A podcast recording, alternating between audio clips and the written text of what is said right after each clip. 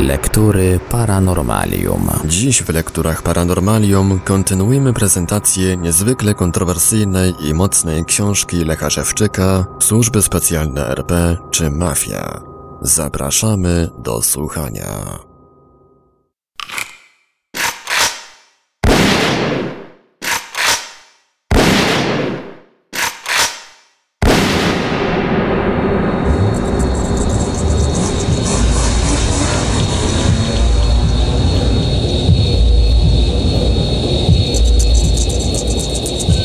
Czasie pobytu w Pretorii mimowolnie zetknąłem się z wieloma sprawami, ale nie wnikałem i nie chciałem wnikać w ich sedno. Teraz wracały do mnie te sprawy, a także dochodziło do ich przemyśleń. Wyglądało, że ktoś metodami operacyjnymi naprowadza mnie na pewne fakty, szczegóły i sytuacje, a przy tym sugeruje, jaki mam przyjąć na to pogląd. Wywołało to u mnie negatywne reakcje do władz RPA. Broniłem się przed natłokiem takich myśli, bo nie trzeba było mi znać tajemnic RPA. Rozumiałem, że im więcej ich poznam, tym bardziej będę pilnowany. Opory jednak na nic się zdały. Manipulowane operacyjnie, musiałem analizować podsuwane mi informacje. Z niepokojem zauważyłem, że rozumiem coraz więcej, przez co sytuacja moja stała się jeszcze bardziej skomplikowana. Bałem się nawet, że zorientują się w tym agenci z Pretorii. Byłem bowiem okresowo sprawdzany przez nich w hipnozie, a więc mogli się przy tym dowiedzieć, że wiem więcej niż powinienem. Przyjeżdżał w tym celu co jakiś czas ktoś z Pretorii. Również i mnie wzywali raz w miesiącu do Pretorii w tym samym celu. Kierowali mnie tam na jakąś kwaterę i w międzyczasie odbywało się sprawdzanie. Prawdopodobnie głównym celem tych kontroli było ustalenie, czy z Durbanu przekazują im stosowną część łupów z eksploatowania mnie. Gdy sprawdzanie to odbywało się w Durbanie, to raczej nie spodziewałem się kłopotów. Przy pomocy bowiem systemu urządzeń elektronicznych agenci z Durbanu zdalnie kontrolowali przebieg sprawdzania. Potrafili w ten sposób wpływać, sugerować mi odpowiedzi na zadane w hipnozie pytania. Odpowiadałem więc w sposób, jak mi to zdalnie podpowiadali, czyli gdyby odpowiedź zgodna z prawdą zagroziła ich interesom, wtedy powodowali, że odpowiadałem inaczej. Próbowałem dociec, w jaki sposób to robią, ale utrudniano mi to. Prawdopodobnie dlatego, bo mogli w tym celu umieścić mi, bez mojej wiedzy, mikroprocesor w mózgu. Na wysłane sygnały z zewnątrz wpływał on na odpowiednie ośrodki mózgu, przez co mówiłem i zachowywałem się według zadanego w danej chwili programu. Druga metoda mogła polegać na zdalnym działaniu falami radiowymi w paśmie odpowiadającym częstotliwości pracy mózgu. Znając charakterystykę mózgu, dało się w ten sposób wpływać na pracę konkretnych jego ośrodków. W Pretorii mogli działać tak samo, bo zawsze, gdy tam jechałem, przede mną była już duża grupa agentów z Durbanu. Pilnowali przy tym, aby ktoś z Pretorii nie przejął mnie, nie nakłonił, abym tam pozostał. Samochód na wyjazd miałem oblepiony pluskwami, a ponadto był pilnowany, aby ktoś nie dolepił swojej. Dodatkowo programowali mnie, aby wszystko raziło mnie w Pretorii. Psioczyłem więc, że za dużo słońca, że ludzie źle jeżdżą, za dużo samochodów i tak dalej. Przy takim stanie psychiki trudniej było zachęcić mnie do pozostania w Pretorii. Wiem, że na moje krytyczne uwagi reagowali agenci z Pretorii, robiąc mi w odwet różne dokuczliwości. Tym bardziej skłaniało mnie to do szybkiego powrotu. Zwykle zwalniali mnie do Durbanu po dwóch dniach. Była sobota po południu. Usiadłem przy stoliku na tarasie hotelu i zamówiłem piwo. Kosztowało 90 centów, ale zwykle płaciłem jednego randa, dając kelnerowi 10 centów na piwku. Tym razem znów położyłem randa, dodając, reszty nie trzeba. Kelner jednak oznajmił, że piwo podrożało i kosztuje już jednego randa. Następnie odszedł obsłużyć innych konsumentów. Piana z butelki sączyła się na zewnątrz, a więc wlałem piwo do szklanki i pociągnąłem spory łyk. Było jak zwykle upalnie i duszno. Nagle uruchomił się nałożony mi program. Zwykle w takim przypadku nie rozumie się tego i jest się pewnym, że postępuje się właściwie, zgodnie z własną wolą. Można to zauważyć dopiero, gdy program przestanie działać. Pod warunkiem jednak, że ma się pewną wiedzę w tym zakresie. Tak też było w tym programie. Zaczęła dręczyć mnie myśl, że podrożało piwo. Drażniło mnie, że 10 centów na piwku, które dotychczas zostawiłem dla kelnera, będą teraz przyjmować właściciele hotelu, małżeństwo Portugalczyków. Pomyślałem tedy, że cóż ze mnie byłby za agent, gdybym pozwolił na taką niesprawiedliwość. Postanowiłem ukarać ich tak, aby poniesionych strat długo nie rekompensowały im zyski z podwyżki cen piwa. Siedziałem sam przy stoliku, a więc rozważania na ten temat, zgodnie też z nałożonym mi programem, prowadziłem półgłosem.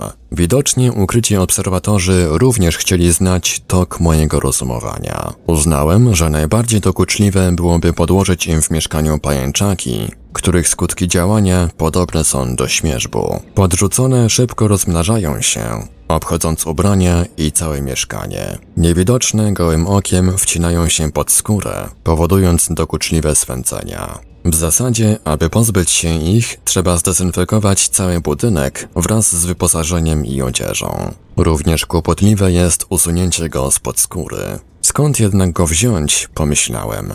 Wtedy to zasugerowano mi, że jest w jednym z pustych pokoi hotelowych. Takiej informacji właśnie potrzebowałem. Dopiłem spokojnie piwo, po czym nie spiesząc się, poszedłem do budynku hotelu. Pokój, który mi zasugerowano, był naprzeciwko mojego, a więc znałem jego numer. Zatrzymałem się w holu przy recepcji, po czym wykradłem klucz. Najpierw otworzyłem swój pokój, gdyż było to jedyne miejsce, gdzie w razie kłopotów mogłem się wycofać. Wykradziony klucz jednak nie pasował. Wyszedłem więc ponownie na zewnątrz, po czym z samochodu ze skrzynki narzędziowej zabrałem przedmioty, z których zrobiłem wytrych. Po drodze podrzuciłem na pulpit w recepcji wykradziony klucz. Trochę manipulacji wytrychem i pokój był otwarty. Wszedłem, zamykając za sobą drzwi. Spojrzałem na sufit i rzeczywiście, przy narożniku była watowata pajęczyna. Zrobiłem piramidkę z mebli, po czym zabrałem zapałką nieco pajęczyny do przygotowanego pudełka. Ustawiłem meble jak stały uprzednio i wyszedłem. Oczywiście, gdyby to był prawdziwy pająk, wtedy pierwszy byłbym jego ofiarą. Na szczęście odgrywałem tylko zaprogramowane przedstawienie. Na drugim końcu korytarza, zagrodzone kratą, było mieszkanie właścicieli, i tam poszedłem. Kroki stawiam swobodnie, spoglądając dyskretnie na mijane lampy. W nich bowiem najprędzej mogłyby być zamontowane miniaturowe kamery obserwacyjne. Przy zakratowanym wejściu zatrzymałem się i wytężyłem słuch. W jednym z pokoi nie usłyszałem głosów, a więc tam się przemknąłem. Rzeczywiście, był pusty. Wciąż wytężając słuch, wyjąłem z pudełka zapałkę z pajęczyną i wytarłem ją w dywanik przy łóżku. Następnie cicho wycofałem się poza zakratowane wejście. Bez pośpiechu już wyszedłem na taras. Wrzuciłem pudełko po pająkach do kosza i ponownie usiadłem przy stoliku. Zamówiłem jeszcze jedno piwo, płacąc kelnerowi z napiwkiem jednego randa i 10 centów. Krótko potem powiedziałem półgłosem pod adresem właścicieli. Dzisiejszej nocy będziecie już spać z pająkami, a za kilka dni ładnie się drapać. Nagle naszło mnie poczucie, że to, co zrobiłem, nie będzie dla nich wystarczającą karą. Zacząłem więc obmyślać następny plan. Przy froncie hotelu było zbyt dużo ludzi, a więc poszedłem działać na zaplecze. Był tam ogrodzony basen kąpielowy, właściwie nieużywany. Przez drogę była przecież plaża i ocean. Szybko wpadłem na pomysł, aby wypuścić wodę z tego basenu. Napełnienie go ponownie kosztowałoby sporo. Ktoś jednak podziałał na mnie, abym zaniechał tego zamiaru. Postanowiłem jednak wejść na teren basenu i tam się rozglądnąć. Wyjąłem uprzednio zmontowany do otwierania drzwi wytrych i próbowałem nim otworzyć zamek furtki. Był zardzewiały, i delikatnym wytrychem nie mogłem go otworzyć. Rozglądałem się więc, czy jest ktoś w pobliżu, po czym sprawnie przeskoczyłem furtkę. Była tam ławka, na której usiadłem. Po chwili, gdy byłem już pewny, że nikt nie zainteresował się moim wejściem na teren basenu, przystąpiłem do działania. Pod nogami leżał zwinięty wąż ogrodniczy, który postanowiłem przeciąć. Ponieważ nie miałem ze sobą ostrych narzędzi, próbowałem go przegryźć. Był mocny, zapłótnowany, a więc nie udało się. Wróciłem więc do samochodu i wziąłem wieloostrzowy przybornik. Znów przeskoczyłem przez furtkę i usiadłem na ławce. Po chwili nadciąłem wąż dwukrotnie. Zaczekałem jeszcze chwilę, po czym ponownie sforsowałem furtkę. Chciałem udać się do samochodu i włożyć z powrotem zabrane przedmioty, ale zagorciło mnie, aby jeszcze coś zrobić. Pobliżu przy budynku hotelu zauważyłem samochód właściciela. Zbliżyłem się tam i celowo upuściłem klucze. Udając, że ich szukam, rozglądnąłem się bacznie wokół. Przejrzałem też dyskretnie okna hotelu, jednocześnie przygotowując odpowiednie ostrze w przyborniku. Po stwierdzeniu, że nikt mnie nie obserwuje, jedną ręką podniosłem klucze, a drugą przebiłem oponę. Powietrze z sykiem zaczęło uchodzić, a ja w poczuciu dobrze spełnionego dobrego uczynku, wymierzenia sprawiedliwości, już usatysfakcjonowany, poszedłem schować przybory. Dalszy ciąg tego wieczoru nie jest mi znany. Być może kazali mi wykonywać jeszcze inne czynności dla własnej rozrywki, ale już w hipnozie z pełną utratą świadomości.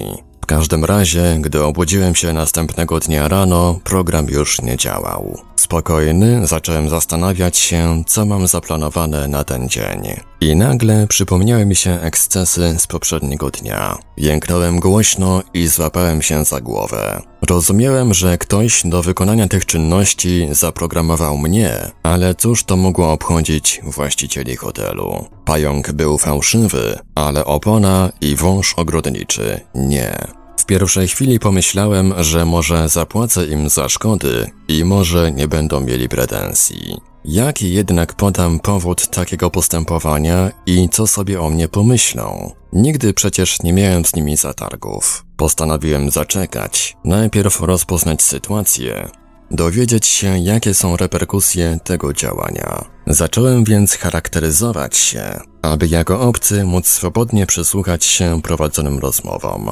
W połowie jednak zrezygnowałem. Wyszedłem z pokoju i spojrzałem w drugi koniec korytarza. Zwykle otwarta krata do mieszkania właścicieli tym razem była zamknięta. Zaniepokoiłem się tym. Mogło to znaczyć, że wiedzą, że wszedłem do ich mieszkania. Wyszedłem na zewnątrz. Najpierw udałem się na zaplecze, aby pod pozorem porannego spaceru zobaczyć, co z samochodem właściciela. Właśnie nim wyjeżdżał. Uśmiechał się do mnie z daleka i machał ręką na przywitanie. Odetchnąłem z ulgą. Zrozumiałem już, że przedstawienie odbyło się za zgodą właściciela, a może i widział na monitorze jego przebieg. Sprawa ta przyniosła im przecież korzyści, bo mogli przekonać się, jak niewiele trzeba, aby mieć intruza w mieszkaniu. Od tego czasu już nigdy nie zostawiali otwartej kraty zabezpieczającej mieszkanie. Wróciłem na taras, a tam uśmiechnięty kelner zapytał: Chce pan piwo? Znów kosztuje 90 centów. Podane postępowanie jest przykładem posłużenia się bronią psychologiczną przy manipulowaniu zachowaniem człowieka. W ten sposób można posłużyć się nim do wszelkich możliwych celów, przy czym może, ale nie musi pamiętać tego, co mówił czy robił. Ci, którzy nie wiedzą w jaki sposób to działa, po ustaniu działania programu dziwią się, jak to możliwe, że tak żenująco się zachowali. W podanym przypadku moje postępowanie, robienie dokuczliwości właścicielom hotelu, wywołane było w sposób sztuczny. Wystarczyło usunąć program i znów zachowywałem się normalnie. Co jednak będzie się działo, gdy ktoś jest psychicznie chory, ma skłonność do sadyzmu, znęcania się i dysponuje bronią psychologiczną? Tacy będą oczywiście wyszukiwali u ludzi przewinień, często urojonych, i karali ich poprzez robienie im dokuczliwości fizycznych i psychicznych. Repertuar w tym względzie mają bardzo przemyślny i nieograniczony. Często karzą, powodując trudne w leczeniu choroby oraz wypadki. W rzeczywistości osobnicy tacy zamiast leczyć się, zaspokajają w ten sposób swoje choroby psychiczne. Są w tym nienasyceni. Gdy uczepią się kogoś, już nigdy nie przestają. Nawet więcej, Działania te przenoszą na innych członków rodziny, znajomych oraz na dzieci. Takich osobników ze skłonnościami do mordowania i sadyzmu jest w służbach specjalnych RP wielu. Również są to ci, którzy przyczepili się do mnie. Wymyślają dziesiątki pretekstów, aby zaspokajać na mnie swoje choroby psychiczne. Udziela się to też innym ludziom z mojego środowiska. Stało się to główną przyczyną, że zacząłem ujawniać informacje na temat popełnianych przez nich zbrodni. Jest też pewna różnica w moim postępowaniu z podanego przykładu, a działalnością sadystów ze służb specjalnych RP. Zaplanowane dokuczliwości wykonywałem naturalnymi metodami, będąc pod działaniem broni psychologicznej. Natomiast sadyści ze służb specjalnych RP robią to odwrotnie. Przy naturalnym stanie psychiki, bez działania programu, lubią się tak zaspokajać, ale za to zaplanowane czynności, aby mogli chować się przed ofiarą, wykonują bronią psychologiczną. W taki sam sposób pracownicy służb specjalnych RP wysługują się ludźmi przy popełnianiu przestępstw. Zabierają im łupy, a ci zwykle nie pamiętają, że brali w czymkolwiek udział. Gdy policja dotrze do nich, wtedy wraca świadomość, przypominają się sceny przestępstwa. Trudności mają tylko z przypomnieniem, co się stało z łupem. Zwykle wydaje im się, że to tak alkohol podziałał na nich. Spowodował, że popełnili przestępstwo, i nawet tego nie pamiętają. Na krótko przed opuszczeniem hotelu Sandhurst dostałem kontakt do Polonii w Durbanie. Ktoś podrzucił mi ulotkę wydaną przez Polonię, na której był numer telefonu kogoś z zarządu. Zatelefonowałem niezwłocznie w obawie, że znów może mi skinąć. Dane na ulotce były prawdziwe. Wreszcie miałem gdzie szukać asekuracji. Dostałem kontakt do pewnej Polki ze starej Polonii, zamieszkałej w tej samej dzielnicy. Tak samo niezwłocznie zatelefonowałem i jeszcze w tym samym dniu przyjęła mnie w swoim mieszkaniu. Wreszcie dowiedziałem się, że w Durbanie są Polacy, zarówno ze starej jak i nowej Polonii i miałem do nich dostęp. Ci dawno osiadli w RPA w większości byli ludźmi ustawionymi, żyjącymi na wysokim poziomie. Mieli własne domy urządzone w wysokim standardzie, a niektórzy i prywatne firmy. Byli też i żyjący zwyczajnie, z typowymi problemami i trudnościami losu. Natomiast ci przybyli do RPA niedawno, przeważnie przez Austrię około rok przede mną, wciąż szukali swojego miejsca w tym kraju. Przeważnie żyli na minimum standardu przeznaczonego dla białych w RPA. Borykali się z wieloma problemami, a byli też i tacy, którzy ledwo wiązali koniec z końcem. Szybko przekonałem się, że moje oczekiwania zdobycia w Polonii pewnej asekuracji były mocno przesadzone. Ci ze starej Polonii byli bardzo ostrożni w przyjmowaniu nas, nowych, do swojego grona. Widocznie wiedzieli, że wielu z nas zostało wplątanych w różne sprawy i nie chcieli mieć z tym nic wspólnego. Pomagając nam, mogli sami narazić się na kłopoty i utracić posiadaną pozycję. Owszem, na oficjalnych spotkaniach byli towarzyscy, rozmawiali z nami w przyjacielskim tonie, ale czuć było w tym pewną granicę. Jako obywatele RPA również byli zobowiązani współpracować ze służbami specjalnymi dla ochrony kraju, który dał im schronienie. Zresztą, jak wspomniałem, jest to współpraca na uczciwych zasadach, nie przynosząca ujmy. Niektórzy nawet pełnili wysokie funkcje w służbach specjalnych RPA i znali mnie dobrze, zanim ja mogłem ich poznać. Wyczułem, że wszyscy są mi przyjaźni i chcieliby mieć mnie w swoim gronie. Wyglądało jednak, że mieli wydane wobec mnie jakieś instrukcje. Chętnie ze mną rozmawiali. Niektórzy przyglądali mi się ukradkiem, ale w pewnym momencie, jakby opamiętani, odchodzili ode mnie. W rzeczywistości więc trudniej było mi do nich dotrzeć niż komukolwiek innemu z nowej emigracji. Gdy inni próbowali znaleźć u starej Polonii pomoc w rozwiązywaniu swoich problemów, w moim przypadku nie dało się nawet próbować. Już na wstępie rozmowy dostawałem do zrozumienia, że muszę sobie radzić sama. Natomiast szukanie asekuracji i towarzystwa wśród ludzi z nowej emigracji znaczyło pogrążanie ich w jeszcze większe kłopoty.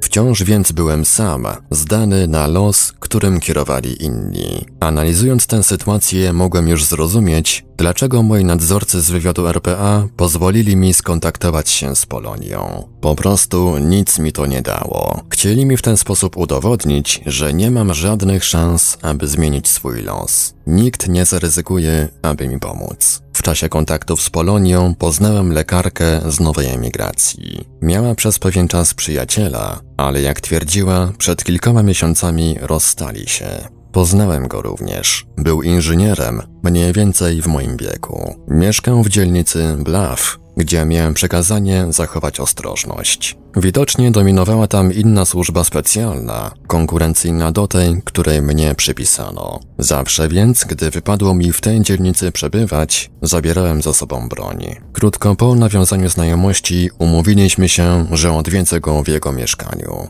Wypiliśmy drinka, ale rozmowa nie kleiła się. Wyglądało, że również ma jakieś kłopoty. Podobnie jak ja, był zawsze poważny, nie uśmiechał się, mówił krótkie zdania, ważył słowa, a myśli często uchodziły do innych spraw. Spytałem, czy ma broń. Miał. Pistolet kaliber 9 mm. Niewątpliwie również wstawili go do jakiejś drużyny i to do pierwszej ligi.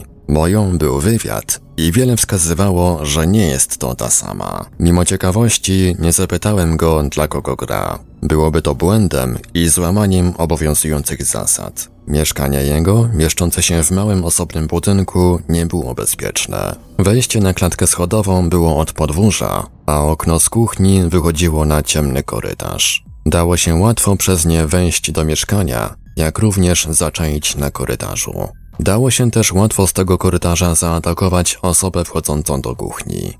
Ponadto drzwi mieszkania miały taką konstrukcję, że nie dało się ich skutecznie zabezpieczyć. Wychodząc, zwróciłem mu delikatnie na to uwagę. Ten ożywił się lekko. Spojrzał na mnie w oczekiwaniu dalszych wyjaśnień. Ponieważ nie było, skwitował to lekceważącym gestem. Prawdopodobnie też nie miał wpływu na to, gdzie mieszka. Wsiedliśmy do samochodów i ruszyliśmy do Amansimtoti. Zależało mi, aby utrzymać z nim stały kontakt, a więc zaprosiłem go na drinka do hotelu. Wciąż próbowałem zmontować jakieś towarzystwo. Zauważyłem jednak, że nie czuję się tam swobodnie. Zwłaszcza po tym, jak przez chwilę zostawiłem go samego. Może ktoś z jakiegoś powodu zasugerował mu, że nie jest tam mile widziany. Podobnie jak ja, w dzielnicy, w której on mieszkał. Rozmawialiśmy jeszcze chwilę i zdecydował się wracać. Zapytałem, czy pilotować go przez Amanzintotti do autostrady, ale powiedział, że nie trzeba. Mimo to, aby go asekurować, ruszyłem dyskretnie za nim. Chciałem być pewny, że nikt nie przeszkodzi dojechać mu do domu. Niepokoiło mnie, że ktoś w drodze może próbować go przestraszyć, aby już więcej do mnie nie przyjeżdżał. Jadąc w stosownej odległości za nim w kierunku Durbanu, wjechaliśmy na wiadukt przecinający autostradę. Znajomy udał się w kierunku dzielnicy Bluff, a ja już bez obaw zawróciłem do Amansimtotti. Natomiast poznana lekarka mieszkała w służbowym pokoju na terenie jednego ze szpitali. Postanowiłem szanować tę znajomość, bo w Polsce pracownicy służb specjalnych nie pozwolili mi mieć przyjaciółki na przyzwoitym poziomie. Był to jeden ze sposobów robienia ze mnie prostego chłopaka, aby nie musieli krępować się mnie z powodu swoich niskich poziomów umysłowych. Owszem, zdarzało się, że miałem znajome, ale tylko na krótko i co najwyżej mogła to być kucharka, kelnerka lub operatorka maszyn. Natomiast w RPA było jeszcze gorzej i miałem znacznie mniejsze pod tym względem możliwości. Zaciekle odganiali ode mnie wszystkie kobiety. Jak więc to możliwe, zastanawiałem się, że pozwolili mi poznać stanu wolnego lekarkę, Niewątpliwie znów szykowali jakąś hecę, ale mimo to postanowiłem podjąć próby zdobycia jej względów. Była przecież kobietą poważną i musiała rozumieć, że trzeci inżynier może już się jej w RPA nie trafić. Okazało się jednak, że ta pilnowała dystansu, aby nasza znajomość miała charakter tylko koleżeński. Zauważyłem łatwo, że było tak, bo nałożyli jej odpowiedni program, którym spowodowali u niej stosowny wobec mnie dystans. Musiałem zaakceptować ustawione mi reguły. Moi nadzorcy z wywiadu RPA w każdej sytuacji zabezpieczali swoje interesy. Chcieli, abym wciąż był ich narzędziem do dowolnego użycia w dowolnym czasie i miejscu. Żadne małżeństwo nie mogło mieć miejsca. Mimo to, że mogła to być tylko koleżeńska znajomość, wspominam ją dobrze. Spotkaliśmy się kilkanaście razy i w ten sposób, chociaż na krótko, mogłem mieć pozory prowadzenia normalnego trybu życia. Szybko jednak ktoś postanowił, że dość tego rozpieszczania mnie. Miałem być przecież kształtowany na mordercę, a nie na rzeczonego. Najpierw zaczęły dziać się przy nas dokuczliwe, denerwujące, prowokujące sceny, aby nie czuła się w moim towarzystwie dobrze i bezpiecznie. Któregoś dnia siedzieliśmy w małej, zdawało się, przytulnej restauracji. Nagle ktoś wyszedł z zaplecza z aparatem fotograficznym i obfotografował cały lokal. Najczęściej jednak błyskał fleszem na nas, jakby to przede wszystkim nam miał robić zdjęcia. Wyglądało to tak, jakby ekipa śledcza utrwalała ślady popełnionego przestępstwa.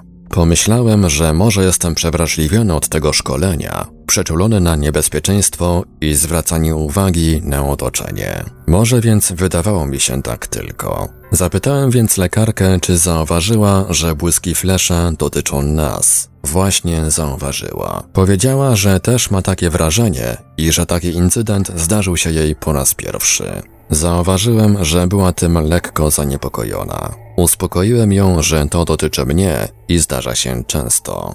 Finał tej znajomości rozegrał się kilka dni później. Zatelefonowałem do niej z propozycją wspólnego spędzenia czasu. Zgodziła się. Kupiłem więc duży bukiet róż i w umówionej porze pojechałem na spotkanie. Przy bramie wjazdowej do szpitala, na terenie którego mieścił się jej służbowy pokój, zatrzymał mnie strażnik. Ktoś ustawił go, aby próbował mnie nie wpuścić, chociaż nie było ku temu powodów. Twierdził, że takie ma polecenie. Zapytałem, co ma przeciwko, a ponieważ nie potrafił odpowiedzieć, wjechałem na teren szpitala. Był to już drugi raz, że robili mi problem z wjazdem. Zatrzymałem się przed budynkiem, w którym mieszkała znajoma. Z różami w ręce zapukałem do drzwi, ale nikt nie odpowiadał. Znajomej nie było. Postanowiłem chwilę zaczekać, chociaż miałem poczucie, że tracę czas. Po kilkunastu minutach zdecydowałem, że w takim razie odwiedzę znajomego z dzielnicy Bluff, jej byłego przyjaciela. Było blisko, a więc niedługo byłem na miejscu. Przed domem, w którym mieszkał, stało kilka osób. Jak zwykle wzmogłem uwagę, aby nie dać się zaskoczyć. Miałem przecież zachować ostrożność w tej dzielnicy. Robili pewne uwagi do mnie, jakby ostrzegali, napominali do zachowania spokoju. W poczuciu więc, że coś się wydarzy, wszedłem do budynku. Gdy byłem pod mieszkaniem mojego znajomego, przez wychodzące na korytarz okno kuchni doszły mnie w ojczystym języku głosy. Zamiast więc pukać do drzwi, podszedłem do okna i zobaczyłem ich oboje. Zatrzymałem się w porę, a więc nie zauważyli mnie w ciemnym korytarzu. Jeden rzut oka wystarczył, aby stwierdzić, że są zadowoleni ze swego towarzystwa, a więc nie ma sensu im przeszkadzać. Wycofałem więc się cicho do wyjścia z ulgą, że mnie nie zauważyli. Dzięki temu oszczędziło to nam krępującej konfrontacji. Ludzie stojący przed domem znów robili mi uwagi, doradzając, abym dał sobie z tą sprawą spokój. Zastanowiło mnie, po co tam byli. Być może ktoś chciał wykorzystać tę sytuację do zrobienia jakiejś większej awantury i ludzie ci zostali wysłani do mojej ochrony. Wsiadłem do samochodu i ruszyłem do Amansimtotti. Skłamałbym, gdybym powiedział, że czułem się dobrze. Byłem jednak przyzwyczajony do takich sytuacji. Tak przecież mniej więcej działaniem pracowników służb specjalnych w Polsce kończyły się moje nieliczne kontakty z kobietami. Postanowiłem się z tą sytuacją pogodzić. Nigdy też nie próbowałem czegokolwiek wyjaśniać, bo wszystko wyglądało klarownie. Ktoś podziałał im odpowiednio na psychiki i stworzył warunki, aby pogodzili się. Niestety nie wiem na jak długo, bo nigdy już nie spotkałem ich. Był to skuteczny sposób, aby oddzielić mnie od ledwo poznanych ludzi. Jednym posunięciem spowodowali, że znów byłem sam, zdany na los, który mi zgotowali. Pomyślałem później, że w taki sam sposób mógłbym pogodzić wszystkie rozbite pary w RBA. Zaczęło dziać się coraz gorzej. Zrobili mi manewry, ale na zasadzie wszyscy na jednego. Dla nich była to zabawa, ale dla mnie trudna w zniesieniu udręka. W nocy eksploatowanie w hipnozie, a w dzień stale jakieś dokuczliwości. Najbardziej lubili majstrować przy samochodzie. Przestawiali siedzenie, upuszczali lub dopompowywali powietrze do opon, Przebijali opony, przestawili lusterka wsteczne regulowane od wewnątrz, brudzili samochód wewnątrz i na zewnątrz, zmieniali na wadliwe gumki wycieraczek, luzowali hamulce, rysowali lakier i szyby oraz robili inne uszkodzenia. Ponadto włożyli pod deskę rozdzielczą jakieś urządzenie elektroniczne, wydające odgłosy szeleszczącej folii. Denerwowało to w czasie jazdy. Zabronili przy tym rozkręcić deskę, aby zobaczyć, co to jest i jak działa. Również w zamieszkałym pokoju wciąż były zrobione jakieś dokuczliwości. Na przykład wlana woda do soli, mieszanie soli z cukrem i herbatą, psucie drobnych przedmiotów, innych nie dorobiłem się i wiele innych szkód. Właściwie nic nie mogłem kupić na zapas, bo natychmiast było to przedmiotem robienia dokuczliwości. Rewolwer też wciąż musiałem sprawdzać, bo majstrowali przy nim z sypaniem piasku do lufy włącznie. Właściwie na każdy dzień mieli przygotowany program dokuczliwości. Ponadto wytworzyli wokół mnie psychozę zagrożenia. Głuche telefony, zakładane pułapki, pozorowane ataki, dokuczliwe odgłosy, straszenie przez telefon oraz w miejscach publicznych i wiele innych działań. Zauważyłem, że robią to w sposób, aby nie udało się zdobyć na to dowodów. Są to metody na wytworzenie wokół człowieka atmosfery obłędu i doprowadzenie go do choroby psychicznej. Krajach, gdzie jest bezprawie, na przykład w Polsce, pracownicy służb specjalnych dodatkowo programują w tym celu niewygodnym im ludziom objawy chorób psychicznych, nie dając im przez to żadnych szans obrony. Podane przykłady dokuczliwych działań były najbardziej uciążliwym okresem szkolenia.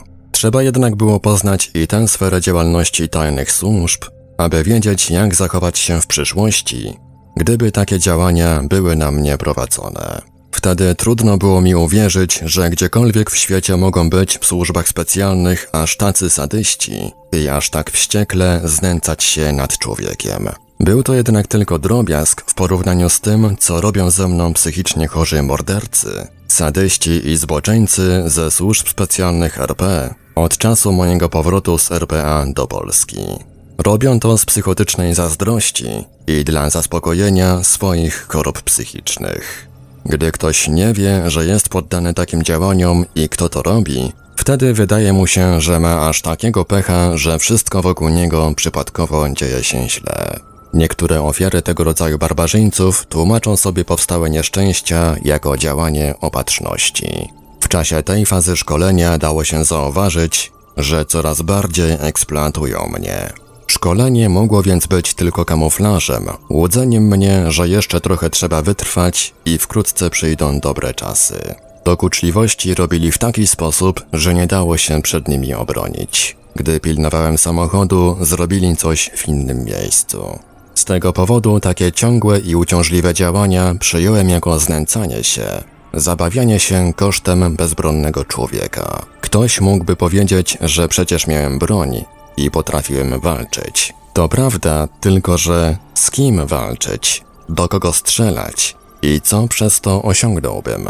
Stawiając otwarty opór, mogłem tylko pogorszyć swoją sytuację. Któregoś dnia wsiadłem rano do samochodu, aby pojechać do oficjalnie zatrudniającej mnie firmy.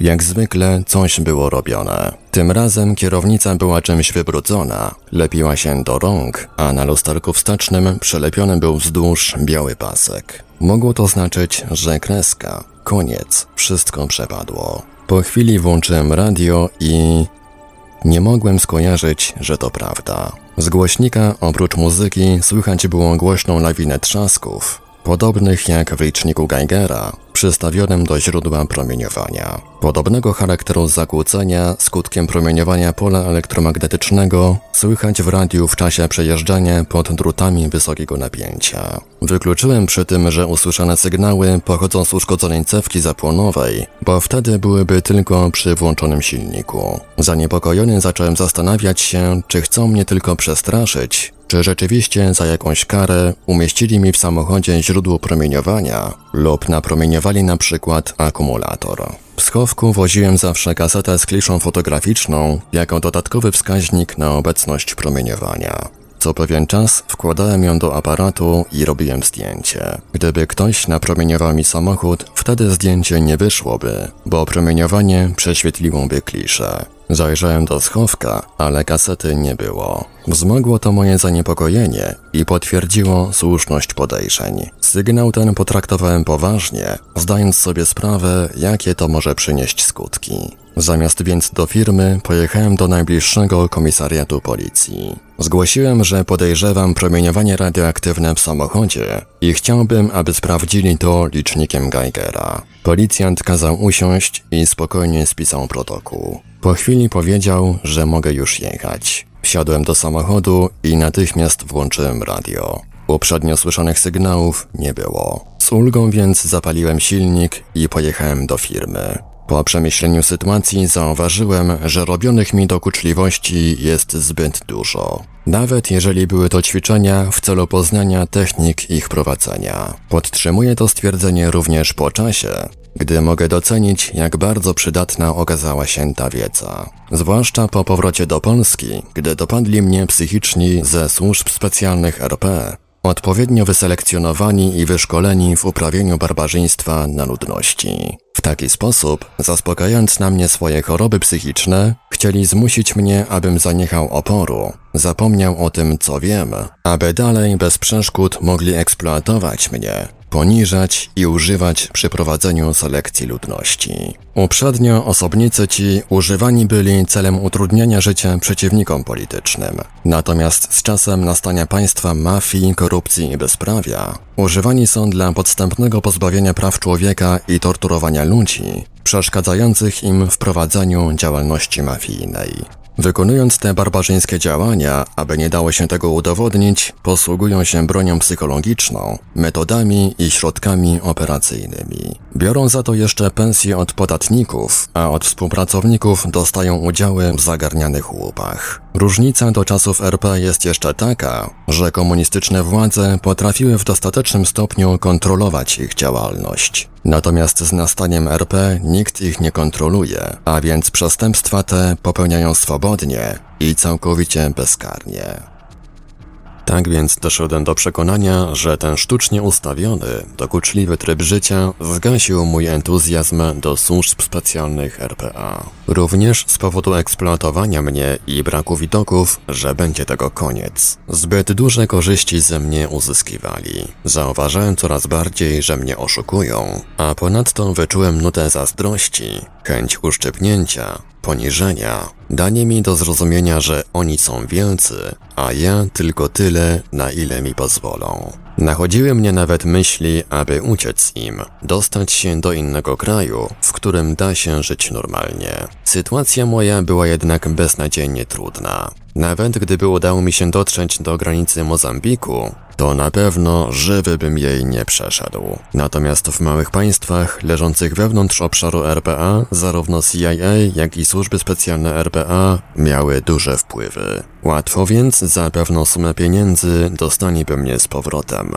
Wtedy już na pewno umieściliby mnie w miejscu, z którego nigdy bym się nie wydostał. Listy do rodziny w Polsce pisałbym w hipnozie, pod dyktando lub robiłby to za mnie ktoś inny. Byłyby wysyłane coraz rzadziej, aż pod jakimś pretekstem obraziłbym się na rodzinę i byłby to powód do urwania korespondencji w ogóle. Na tym też słuch po mnie zaginąłby na zawsze. Mogliby też upozorować moją śmierć, po czym umieścić w takim samym miejscu, jako nieistniejącego już człowieka i dowolnie eksploatować. Niebezpiecznie więc było nawet myśleć o ucieczce. Postanowiłem więc czekać, ale też pilnie wypatrywać stosownej okazji, która dałaby mi szansę na zmianę losu. Była to rozsądna decyzja, tym bardziej, że od pewnego czasu zacząłem wyczuwać pewne obce, przyjazne sygnały. Dedukowałem, że może to obcy wywiad lub inna służba specjalna RPA zauważyła moje problemy i czyni próby, aby mi pomóc i zaoferować współpracę na ludzkich warunkach.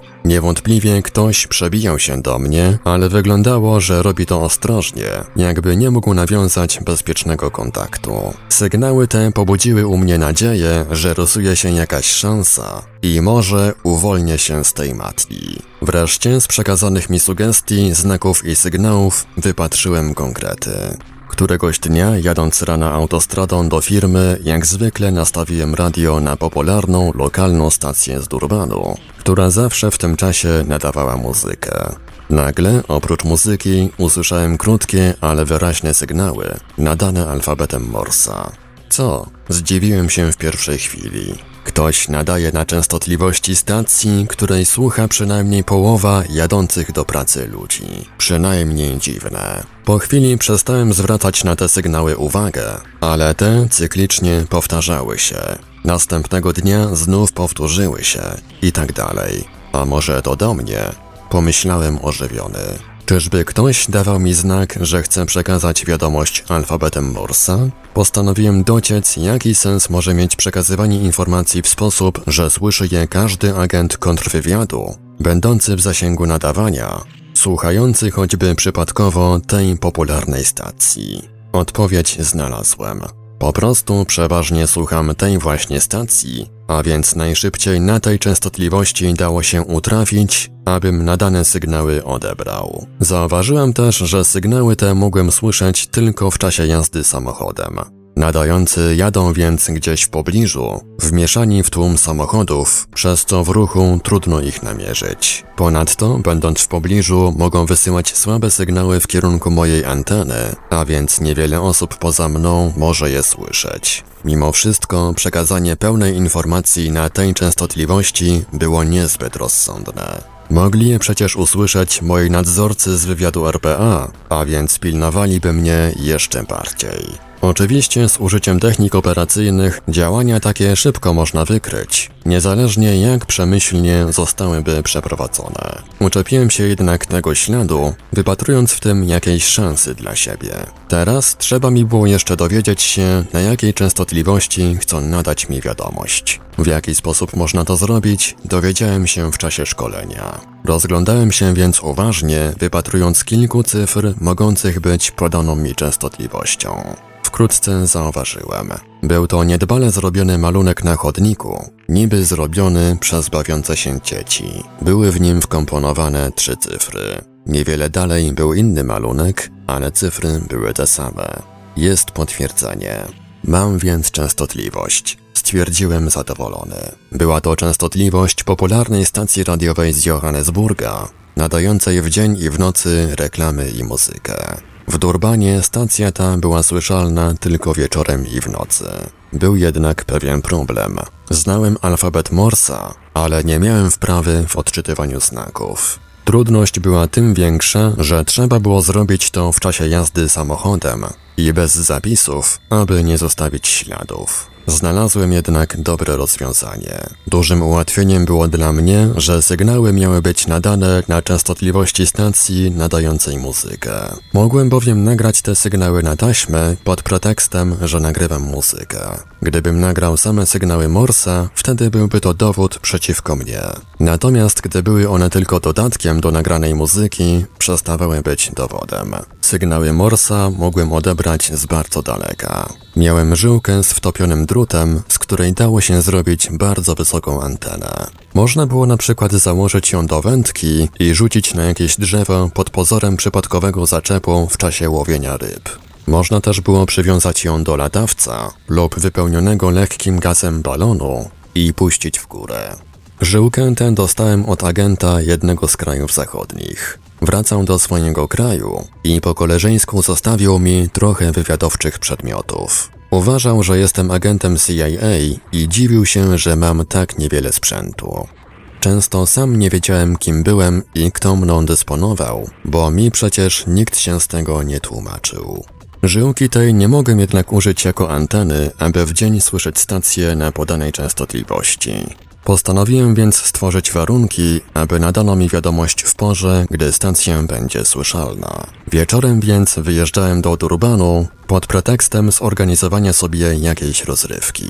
Starałem się przy tym jeździć ulicami jak najdłużej. Tam przecież, w tłoku ulicznym, były dobre warunki, aby przekazać mi przygotowaną drogą wiadomość. Miałem nadzieję, że moje intencje zostaną zauważone i wszystko przebiegnie sprawnie. Dla ich podkreślenia, przed wyjazdem do Durbanu zabierałem magnetofon do samochodu. Gdybym musiał się tłumaczyć, wtedy miałem zaplanowane powiedzieć, że zabieram magnetofon, bo ten wmontowany w samochodzie wciąga i uszkadza taśmę. W czasie któregoś z kolejnych wyjazdów Z uczuciem emocji usłyszałem sygnały Morsa. Najpierw krótkie, powtarzające się, takie jak odebrałem uprzednio. Włączyłem magnetofon i czekałem, co będzie dalej. Po chwili, na tle nadawanej listy przebojów, rozległ się z krótkimi przerwami cały ciąg sygnałów. To musi być wyczekiwana informacja, pomyślałem. Zaraz potem zaparkowałem samochód przy deptaku w pobliżu plaży. Włączyłem nagraną taśmę i wsłuchałem się w sygnały Morsa. Depesza była tej treści. Pomagamy ci. Kropka. Horoskop. Były to tylko trzy słowa, ale potwierdziły to, czego się domyślałem. Ktoś stara się nawiązać ze mną kontakt i co najważniejsze, twierdzi, że pomaga. Taki drobiazg, a bardzo podbudował mnie psychicznie. Była bowiem szansa, że coś wreszcie stanie się i zmieni mój los. Słowo horoskop znaczyło, że następne informacje będą dla mnie w horoskopie, pod moim znakiem zodiaku. Musiałem tylko wydedukować, z którego źródła podającego horoskopy korzystać. Znałem tę metodę przekazywania agentowi informacji. Polega na tym, że w którymś ze źródeł, np. czasopiśmie, załatwia się, aby pod wskazanym znakiem zodiaku umieścić horoskop o podanej treści. Interesujący się horoskopami ludzie odczytają to jak zwykle pół żartem, pół serio, nie zauważając czegokolwiek szczególnego. Natomiast dla agenta będą to zaszyfrowane, podane horoskopową formą informacje. Po odczytaniu depeszy skasowałem całość, nagrywając w to miejsce kilka razy muzykę z lokalnej już stacji. Po jednym bowiem skasowaniu można odtworzyć uprzednie nagranie i w tym przypadku stwierdzić, że były nagrane sygnały Morsa.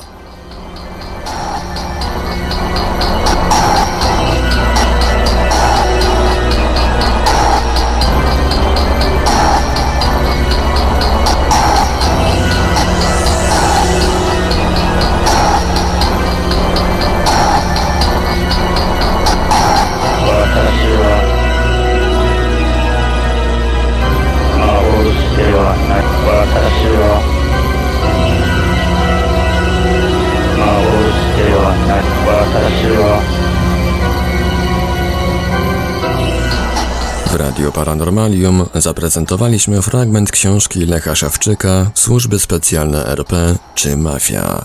Dalszy ciąg w kolejnym odcinku Lektur Paranormalium. Archiwalne odcinki Lektur Paranormalium znajdziesz do pobrania w archiwum naszego radia na stronie www.paranormalium.pl.